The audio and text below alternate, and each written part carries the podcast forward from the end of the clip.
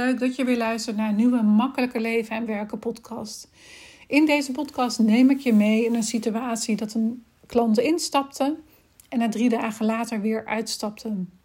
En hoe ga je daarmee om als ondernemer, terwijl dat je in je recht staat dat die klant eigenlijk gewoon zou moeten betalen. Want een mondelinge ja is ook wettelijk rechtgeldig. Um, om hier even wat meer achtergrondinformatie in te geven, um, vertel ik je even het verhaal hoe zij op mijn pad is gekomen. En voor degene die voor de eerste keer deze podcast luistert, ik ben Heske van S en ik help uh, ondernemers om uh, te groeien met hun bedrijf zonder dat ze nog meer moeten. Uh, vanuit een rust, vanuit een, ja, vanuit jezelf. Dat is het allerbelangrijkste. Het verhaal hoe zij op mijn um, is gekomen. Is, uh, ik heb een cursus aangeschaft uh, en daarbij moesten we, of in ieder geval kregen we de gelegenheid om te oefenen met elkaar als ondernemers onder elkaar. En um, in dat groepje, uh, volgens mij zijn we met de vrouwen vijf, zes. Um, en hebben we een paar data en de ene keer er die erbij en de andere keer er die bij. Dus toen we op een gegeven moment gingen oefenen, waren we met z'n drieën. En uh, ik vertelde op een gegeven moment mijn aanbod, want daar ging het uiteindelijk over. Um, en toen zei ze: Ja, ik stap in. En toen zei ze: Ja, dat is zonder grapje, want ik wilde eigenlijk al eerder instappen. En daar bedoelde ze mee dat ze um, eigenlijk in meer klanten, meer winst in tijdgeld en energie, wat in september, zeg maar, uh, van 2023, mocht je dit later horen, het programma was waar ze eigenlijk aan mee deel wilde nemen. En ze kon het niet meer vinden en ze kon het niet meer. Dus ze had zoiets van: nee, dit is. Nee, dat ga ik nu niet doen. Nou, helemaal oké. Maar ze zei dus wel ja tegen een traject met mij. En um, dus ik was helemaal flabbergasted. Ik zeg, meen je dit nu? Ik zeg, want ik, ik, ik had hem helemaal niet aanzien komen. Ik zeg, maar je bent van harte welkom. Um, ja, nee, ik meen het echt. Ik meen het echt. Dus um, nou, helemaal oké. Dus op een gegeven moment waren we klaar met oefenen. Die andere collega-ondernemer, die ging eruit. En toen hebben wij nog even afspraken gemaakt. En zeg, nou, wanneer wil je starten? Nou, over twee, drie maanden. Want dan, dan zitten er nog een paar... Um, uh, waren nog een paar dingen die privé speelden. Ik zei, nou, dat is helemaal oké. En ze wilden nog wat uitzoeken. En ik zeg, nou, helemaal oké. Ik zeg, en hoe zou het zijn als we het samen uit zouden zoeken? En toen zei ze, ja, dat gaan we doen. En er was nog iets over, oh ja, een privé situatie, dat mocht het zeg maar uh, uh, niet lukken. Of dat ze dan tijdelijk even een stop kan zetten. Nou, ik zeg, voor jou maak ik daar een uitzondering in, omdat je dat van tevoren aangeeft dan vind ik het prima als jij na twee maanden zegt of na een maand zegt, nou het lukt nu niet privé technisch gezien, dat we dan daardoor, um, ja, dat we hem dan gewoon even een paar weken stopzetten en dat je daarna verder gaat. Helemaal oké. Nou, dus, dus al haar bezwaren hadden we zeg maar eigenlijk van tafel geveegd uh, en hadden we afspraken over gemaakt. Nou, dat was op vrijdag. Het weekend uh, had ik niet de tijd genomen, omdat ik te druk was met vrije tijd, um, om haar een contract toe te sturen en haar de betaling, et cetera, te mailen. Dus ik dacht, dat ga ik maandagochtend doen. En um, nou ja, maandagochtend, kwart voor negen, ik was net thuis en ik had de kinderen naar school gebracht, zag ik een appje van haar of dat ik haar kon bellen. Dus het is heel bijzonder op het moment dat je eigenlijk ergens in wil stappen, zeg maar, een aantal weken daarvoor. Um, uh, dat je dan niet de informatie kon vinden, maar toen niet een bericht stuurde. En dat je dan nu, als het echt nood aan de man is, dat je wel mijn telefoonnummer hebt. Um, en dus wel een berichtje kan sturen. Dus daar zit ook al een verhaal in wat je van jezelf mag vragen: van hey, um, klopt dit met wat ik zeg? Of klopt dit met mijn gedachten? En ik, had ik wist natuurlijk eigenlijk al meteen dat ze er onderuit wilde. Uh, want zo plotseling dat ze vrijdags ja zei, zo plotseling zei ze op maandag nee. En ze begon er meteen over. En het eerste woord wat ze zei. Uh, nou, je hebt vast wel een idee waarvoor ik bel. Um, maar ik ga het niet doen. Mijn partner. En toen kwam een hele riedel aan excuses over dat het een impulsieve beslissing was. En dat het de vorige keer toen ze een investering deed, het ook niet haar gebracht had wat het haar zou brengen. Ehm, dat ze er eerst achter wil komen of dat ze wel ondernemer is en of dat ze dat wil worden. Ehm, en even kijken, want ik kan mijn eigen handschrift niet lezen. Oh ja, en um, nee, ik kan het niet lezen. Oké, ja, dus de, en, ze had een andere goedkopere optie. Dat was mijn handschrift. um, dus ze had een andere optie die goedkoper was, die haar dichter bij zichzelf zou brengen om erachter te komen of dat ze wel of niet ondernemer zou worden. Uh, maar hij gunt mij ook een heske. Dus iemand om um, mee te groeien, om je bedrijf te laten groeien. En dat is wat ik natuurlijk ook haar bij zou helpen. En daar hadden we ook al ja, richting in gegeven van, nou ja, waar heb je dan hulp bij nodig? Die stappen hadden we al gezet. Um, en die waren ook voor haar duidelijk. En doordat haar partner, um, dus ja, op een gegeven moment zei van ja, maar dit, dit gaan we niet doen, want er is een andere goedkopere optie was dus echt, ja, is ze gewoon in twee dagen tijd helemaal omgeslagen. En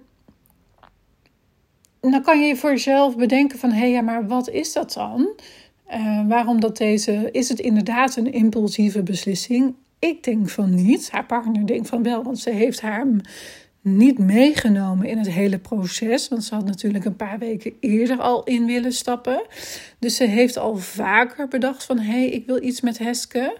Maar ze heeft dus niet bedacht ehm, dat het voor haar geen impulsieve beslissing is. Ze heeft niet bedacht, haar partner vindt het een impulsieve beslissing, maar ik denk dat het voor haar geen impulsieve beslissing is. Um, omdat ze al eerder in had willen stappen. Maar haar partner was daar waarschijnlijk niet van op de hoogte, anders had hij dat niet zo gezegd, denk ik. Het zijn invullingen, het zijn mijn ideeën, is mijn verhaal dit. Dus ik stuur dit, deze podcast ook naar de persoon toe waar het over gaat, omdat ik ook um, denk dat ze hier veel kan, van kan leren in de zin van hoe ik het ervaren heb, maar ook de vragen die ik straks ga stellen.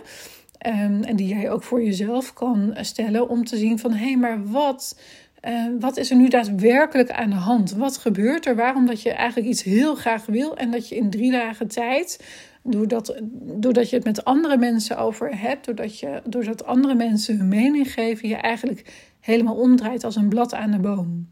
En dat is helemaal oké. Ze hoeven mij ook niet in te stappen. Dus mocht je dit horen, je hoeft voor mij echt niet in te stappen. Het is vooral echt een spiegel die ik je wil geven om te zien van hé, hey, maar wat, wat is er nu daadwerkelijk aan de hand? En wat is er nu daadwerkelijk gebeurd in die drie dagen tijd? En um, want ook een vraag die ik haar eigenlijk meteen. Um, de, de, de, de, drie punten die bij mij bleven hangen. Hè, impulsieve beslissing, dat klopt dus niet in mijn ogen, omdat ze eerder al in wilde stappen. Um, ze moeten eerst achterkomen of dat ze een ondernemer is, terwijl ze dat al is. Ze ontvangt al mensen thuis die, uh, die klant zijn bij haar, dus dat is ze al. Dus daar hoef je niet achter te komen. Um, en de andere optie was goedkoper. Nou ja, weet je, dat is, dat is helemaal prima als het iemand is die je helemaal kan helpen. En ook met de juiste um, uh, intentie, met de juiste hulpvraag, dan kan iemand je daar zeker bij helpen. Maar als het dan echt zo is van wil je wel echt ondernemer worden, um, ja, dan is de vraag van ja, wat, zit daar nog verder onder? En ik hoop dat die persoon waar ze dan wel in gaat stappen, of dat hij dan ook echt haar op die manier kan helpen. Want dat zijn natuurlijk ook dingen waar ik naar ga kijken um, met jou. Maar de eerste vraag die ik op een gegeven moment stelde was: Wat wil jij? Hoe denk jij dat dit zit? En toen zei ze: Nee, ik wil dat ook. Ik, ik denk er ook zo over. En ik moet nu een beetje lachen, want ik vraag me dus echt af of dat zij, als ze diep in haar hart kijkt, of dat echt is wat zij wil. Dat op het moment dat als alles mogelijk is, als geld geen probleem is, als niks een probleem is, of dat ze dan inderdaad ook nee had gezegd. En de volgende vraag die ik dan ook heb is: negeer jij dan je eigen intuïtie. Omdat je er voelt dat je eigenlijk graag met iemand iets wil. Dat je voelt dat je graag met iemand wil samenwerken. En word je dan niet te veel beïnvloed door mensen in je omgeving? Of kies je eigenlijk een beetje voor oplossing B, omdat die net wat goedkoper is?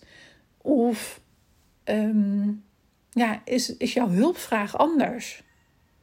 dan die je in de eerste instantie aangaf. Dus de hulpvraag is eigenlijk, als je bij mij komt, wil je je bedrijf laten eh, groeien op een manier die bij jou past.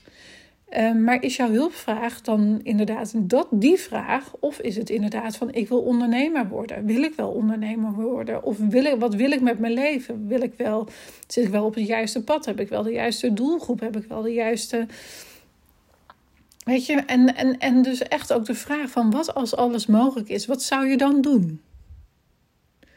En dat is een vraag die je jezelf eigenlijk heel makkelijk, mag, eh, vaker kan stellen. Van als, alles, als alles mogelijk is, ik tot er bijna over mijn, uh, mijn woorden, maar wat als alles mogelijk is, wat zou jij dan als allerliefste doen? Ga je dan met iemand samenwerken? Ga je dan uh, je klanten helpen? Wat zijn dan dingen die jij echt zou willen doen. En ook over een droomaanbod bijvoorbeeld. Ik had uh, gisteren een post geplaatst over iemand die een droomaanbod van 25.000 euro heeft gemaakt. En als alles mogelijk is, is dat dan ook wat jij zeg maar dan ook daadwerkelijk wil? Is dat dan ook wat jij ehm, helemaal voor je ziet? En het gaat er mij niet om. Ehm, ik gun haar de hele wereld hè? en ik gun haar alles dat ze, dat ze mag komen waar ze wil komen. Ehm, ondernemen is een reis. Ondernemer zijn stappen zetten. Ondernemer zijn eh, vallen, is, vallen en opstaan. Is jezelf uitstellen en jezelf een schop onder de kont geven. Dat, dat hoort allemaal bij het proces van het ondernemen. Maar waar hou jij jezelf nog klein? Doordat bijvoorbeeld andere mensen zeggen van hé, hey, uh, je neemt een impulsieve beslissing. Zou je dat nu wel doen? Um, mijn partner weet bijvoorbeeld helemaal niet wat voor investeringen ik doe. Mijn partner weet niet wat ik eigenlijk doe met mijn onderneming. Natuurlijk heeft hij wel een groot, wel een idee van wat ik ongeveer doe. Maar hij weet niet precies wat ik doe. En dat maakt hem eigenlijk ook helemaal niet uit. Dus mijn bedrijf is van mij, mijn geld is van mij. En ik bepaal natuurlijk ook waar het naartoe gaat. En daarnaast is het mijn taak om ook gewoon een bepaald bedrag natuurlijk in te leggen op onze gezamenlijke rekening. En zolang ik dat gewoon doe, dan gaat hij echt niet kraaien. Dan is er niks aan de hand. Dus dat zijn wel echt dingen die je voor jezelf af mag vragen. Van wat. Ehm, wat deel je wel met iemand en wat deel je niet met iemand? En zeker als het om financiën gaat, want ik denk dat daar een groot stuk zit. Ehm, van hoe kan je makkelijker naar geld kijken? Hoe kan je makkelijker uh, zien wat een investering je oplevert in plaats van wat het je kost? Dus op het moment dat je wel met mij gaat werken of dat je wel met iemand anders gaat werken, het hoeft niet altijd per se met mij te zijn. Tuurlijk vind ik leuk als je bij me komt. Eh, maar er zijn natuurlijk genoeg andere mensen met wie je een klik aan kan gaan. Waarvan je denkt van ja, maar ik wil van die persoon leren. Ik wil daarbij zijn. En dan mag je gaan kijken van hé, hey, maar wat, wat helpt jou om te zorgen dat je ehm, de keuze maakt die bij jou past. Waarbij je voelt van hé, hey, maar dit is wat ik wil. Dit is waar ik naartoe wil.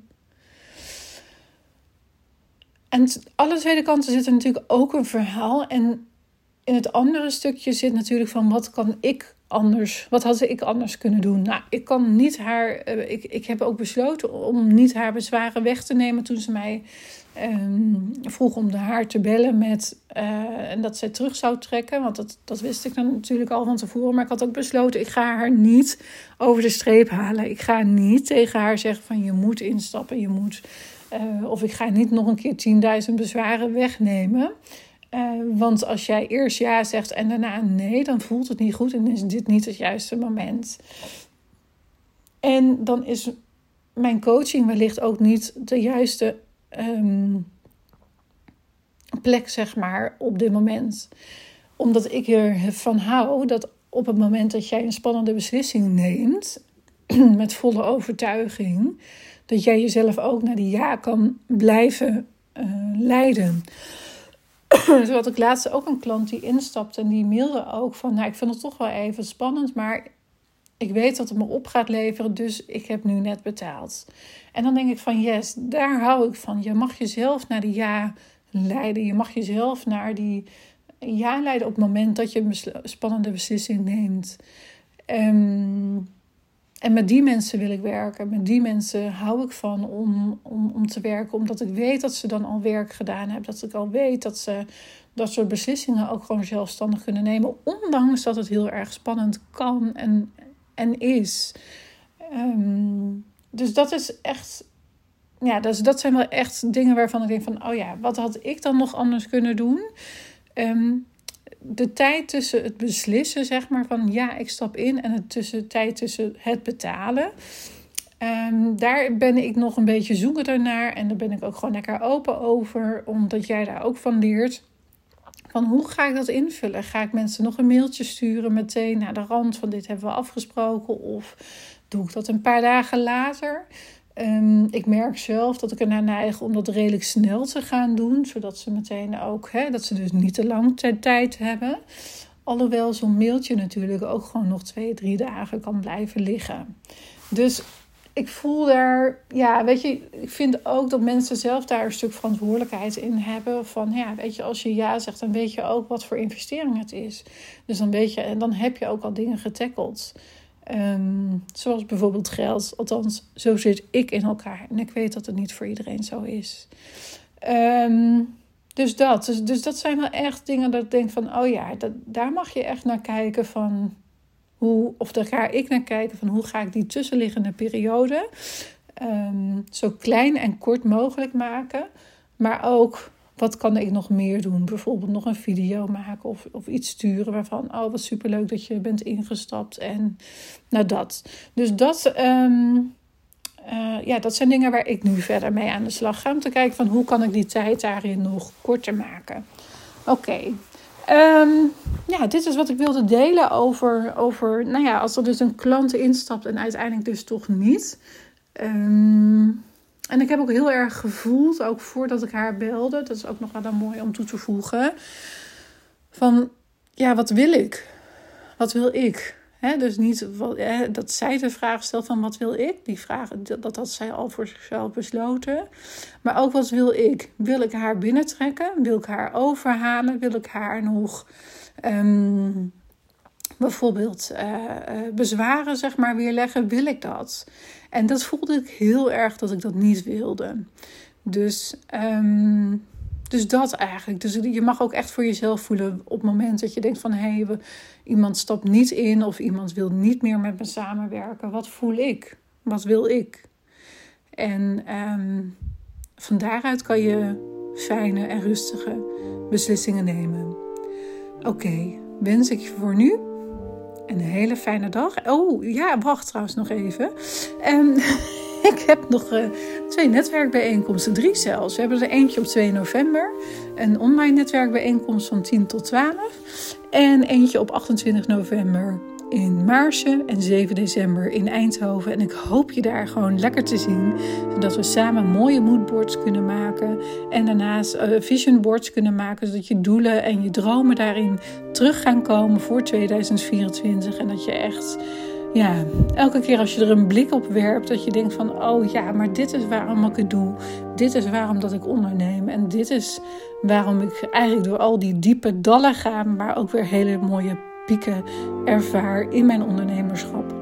Oké, ehm, alle informatie staat in de show notes. En dan nu wel wens ik je een hele fijne dag.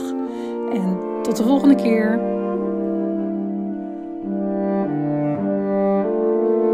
Voordat je verder luistert naar mijn inspirerende saxofoonkwartet, wil ik je bedanken voor het luisteren naar deze aflevering. Er zijn er nog veel meer, dus als je nog niet alles hebt geluisterd, kan je bladeren in de lijst met afleveringen. Ik hoor heel graag wat je van deze aflevering vindt via een tag op Instagram of laat een review achter met een aantal sterren. Zo kunnen anderen de podcast nog makkelijker vinden. En neem nu even de tijd om verder rustig te luisteren naar mijn saxofoonkwartet. En voel, luister en laat landen wat er nu is.